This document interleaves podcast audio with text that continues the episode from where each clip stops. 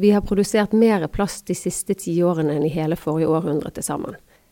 Plast bør behandles som miljøgift. Det mener seniorforsker Marte Hove ved Nors Miljø, som har forsket på plast i fem år. Dette er Tekfisk, podkasten om teknologi og forskning i sjømatnæringen. Mitt navn er Camilla Odland, og straks får du høre mer om hvordan plast påvirker livet i havet, og hva som gjør at plastforskeren fremdeles har et håp om at vi klarer å stanse utslipp av plast og rydde opp før problemet blir uoverskuelig. Marte Hove, hvilken påvirkning vil du si at eh, plast har på livet i havet? Eh, det er et veldig godt og komplekst spørsmål. Eh, vi vet jo at plasten fins overalt i alle verdenshav, og at det er store mengder fugl og sjøpattedyr som tar skade av plasten hvert år. De, og fisk, selvfølgelig. De går i garn og setter seg fast, og de drukner, eller de får deler av plastutstyr, eh, trål og tau rundt seg, og enten de da får fysiske skader eller de drukner eller ikke klarer å ta til seg mat, så er det veldig mange som dør.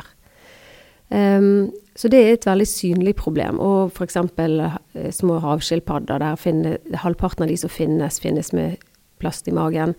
Havhester, som er en, en fugl som flyr på overflaten og plukker små eh, matbiter i overflaten. Der er det 90% av de nå som har plast eh, i magen i eh, Nord-Europa. Mm, så det er et betydelig problem. Um, for disse individene er det et betydelig problem. Og hvis dette fortsetter, så vil jo det også bli et problem for, for populasjonen. Altså hele økosystemet kan påvirkes. Um, mikroplast er jo en annen del av det. Der er det vanskeligere å å dokumentere effekter. Vi ser at det fins. Vi ser at det er veldig mange dyregrupper som spiser mikroplast, altså plast som er under 5 mm stort. Uh, og helt ned i sånn usynlige for oss størrelser. Uh, men også dokumentere effekter er mye vanskeligere. Fordi det er allerede så mange andre partikler i økosystemet og i, i, miljøet der disse dyrene lever, og de spiser jo også disse andre partiklene. Eh, så om de, om de, tar skade av partiklene i seg selv, eller kjemikalier som er assosiert med disse partiklene, det er veldig vanskelig å, å påvise.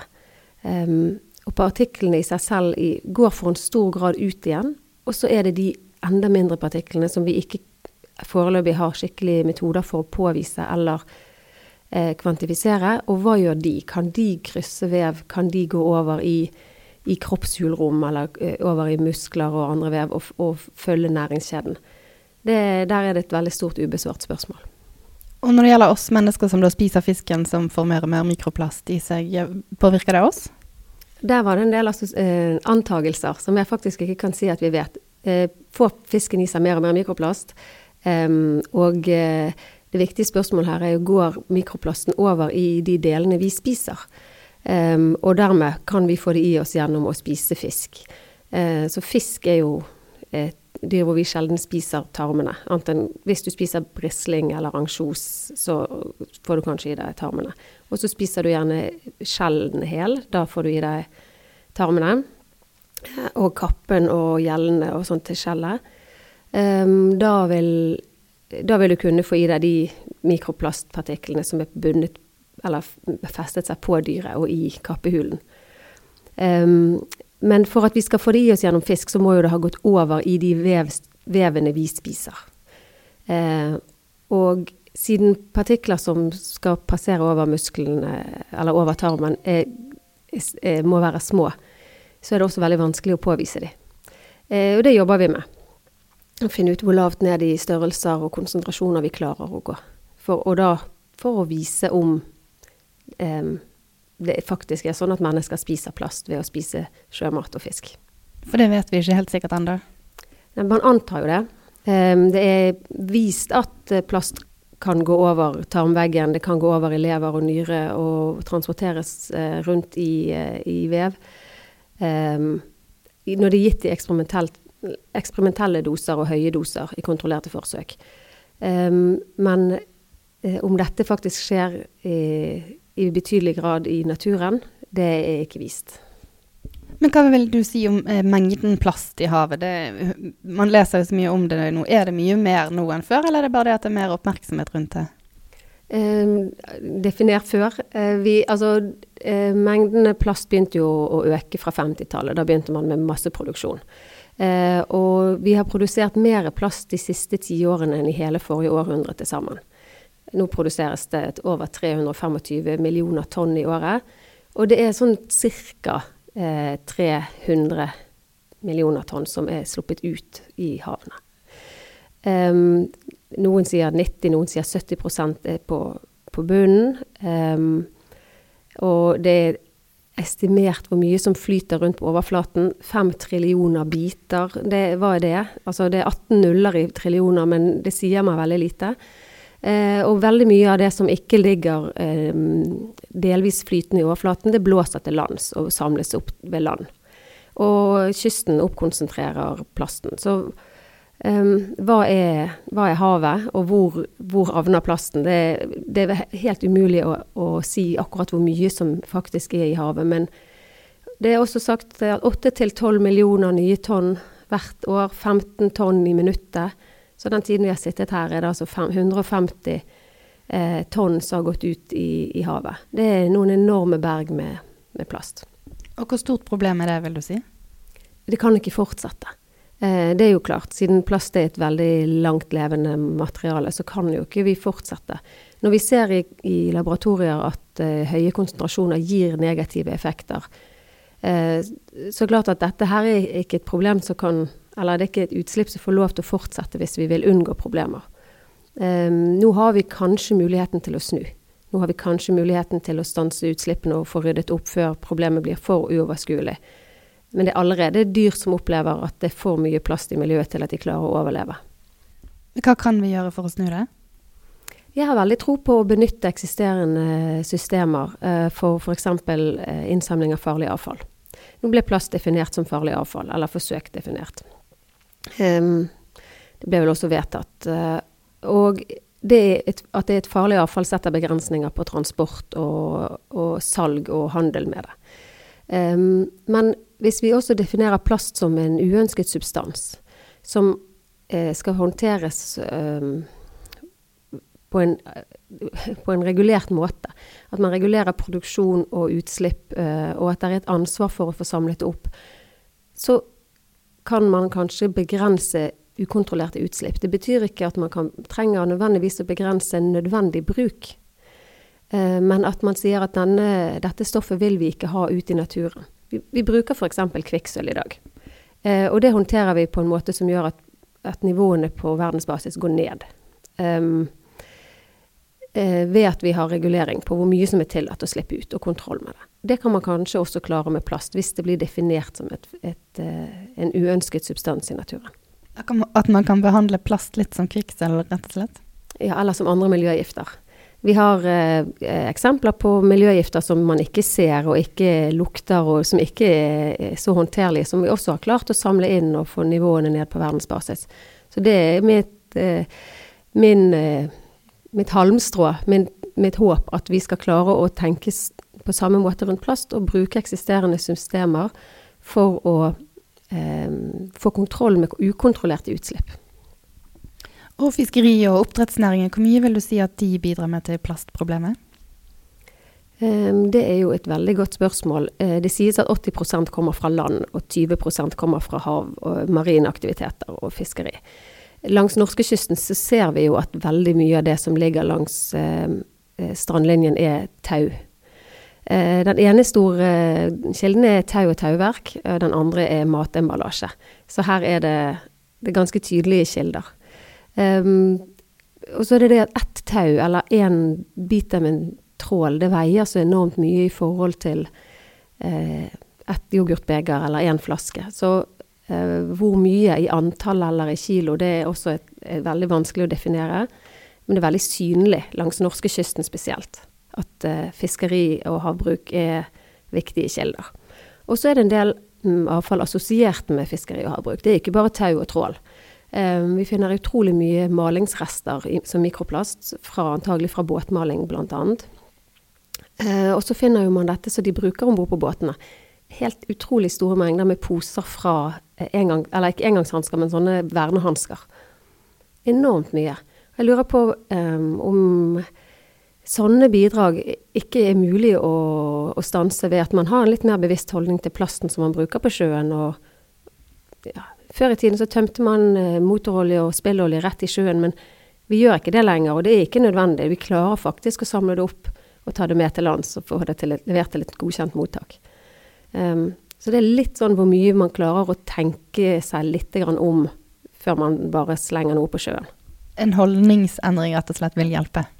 Ja, det tror jeg. Og det, det ser jo vi at det begynte å komme. Og um, jeg var nordpå, um, i Lofoten. Og der de er utrolig opptatt av havet og kysten sin, selvfølgelig.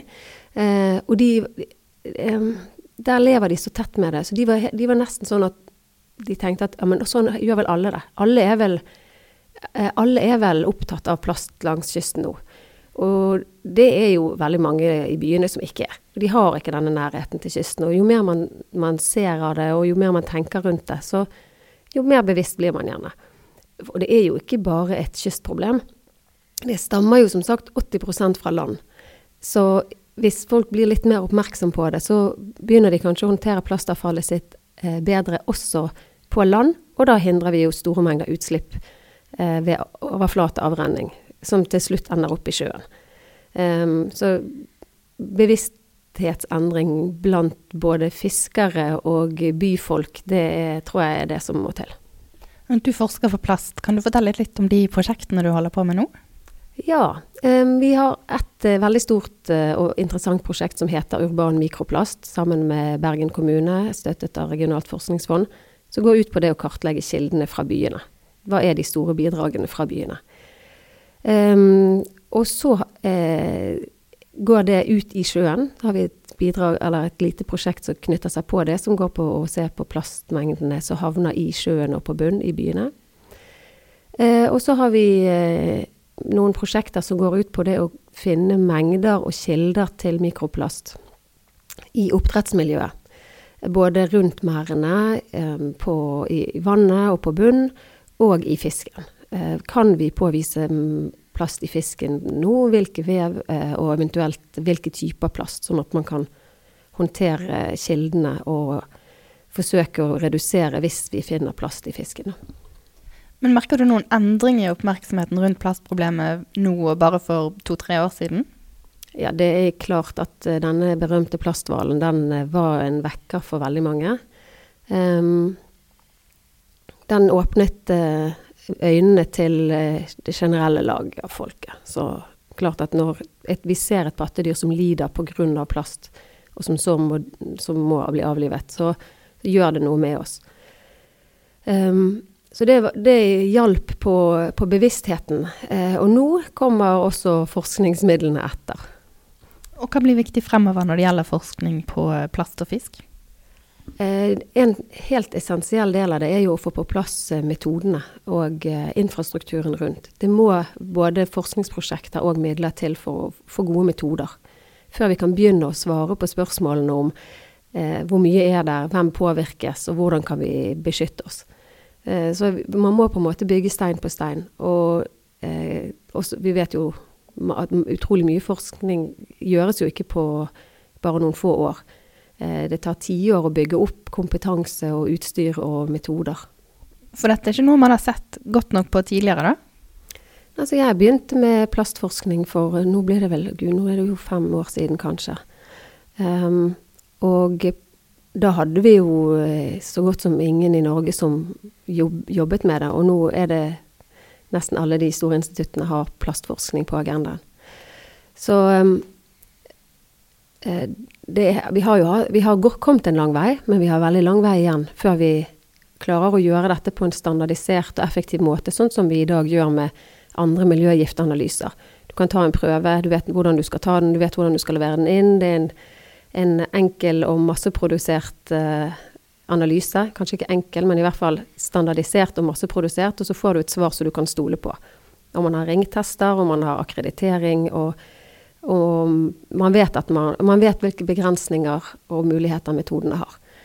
Eh, nå er veldig mye plastforskning fortsatt på utprøverstadiet.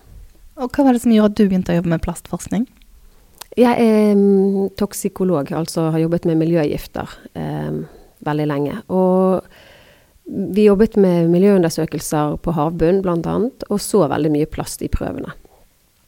Og så har jeg vokst opp ved kysten og har alltid brydd meg om det. Um, og så, så, tenkte jeg at men hva er på en måte grunnen til at vi ikke bekymrer oss for plasten som vi ser i alle prøvene? Vi er nødt til å plukke den vekk fra prøvene, og vi, vi finner veldig mye av den. Men hvorfor, hvem sin er den, og hvorfor, hvorfor blir ikke det tatt tak i? Og så begynte jo mikroplast å bli nevnt mer og mer. Så tenkte jeg men her har jo jeg alle muligheter for å jobbe med dette og forske på dette i det instituttet som jeg jobber med, hvor vi tar så mye bunnprøver. Um, jeg bare syntes det var enormt interessant, og så flere og flere likhetstrekk mellom mikroplast og miljøgifter. Fordi det er menneskeskapt, og det er tilnærmet evigvarende, langt, langt livet. Um, og um, ukjent hvilken skade det gjør.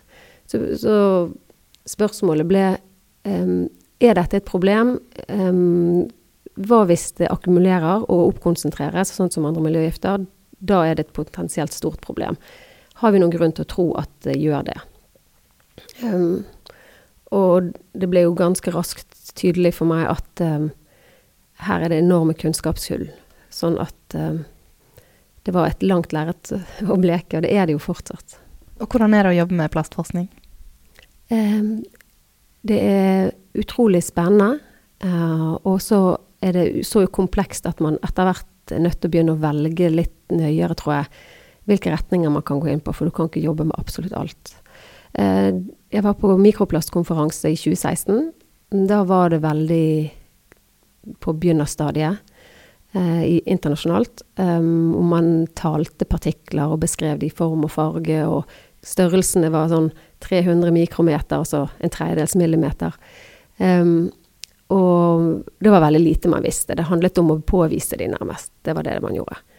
Og nå, bare to år seinere, så er man nede på hvor lavt ned i størrelse kan man gå. Man kan gå ned til en tusendedels millimeter og langt mindre enn det. Man kan gå ned på nanometers størrelse. Um, kompleksiteten i i hele feltet har eksplodert. Eh, det er modellering, det er interaksjoner med sediment, det er transportveier, det går på toksisitet og ulike effekter på ulike celler. Nå det, har det antatt samme kompleksiteten som økotoksikologi egentlig generelt har. Takk skal du ha. Selv takk. Du har nå hørt på Tekfisk podkasten om teknologi og forskning i sjømatnæringen. Sjekk gjerne ut nettsiden vår òg, techfisk.no. Ønsker du å annonsere i podkasten? Da kan du sende en e-post til annonse krøllalfa så kontakter vi deg for nærmere avtale.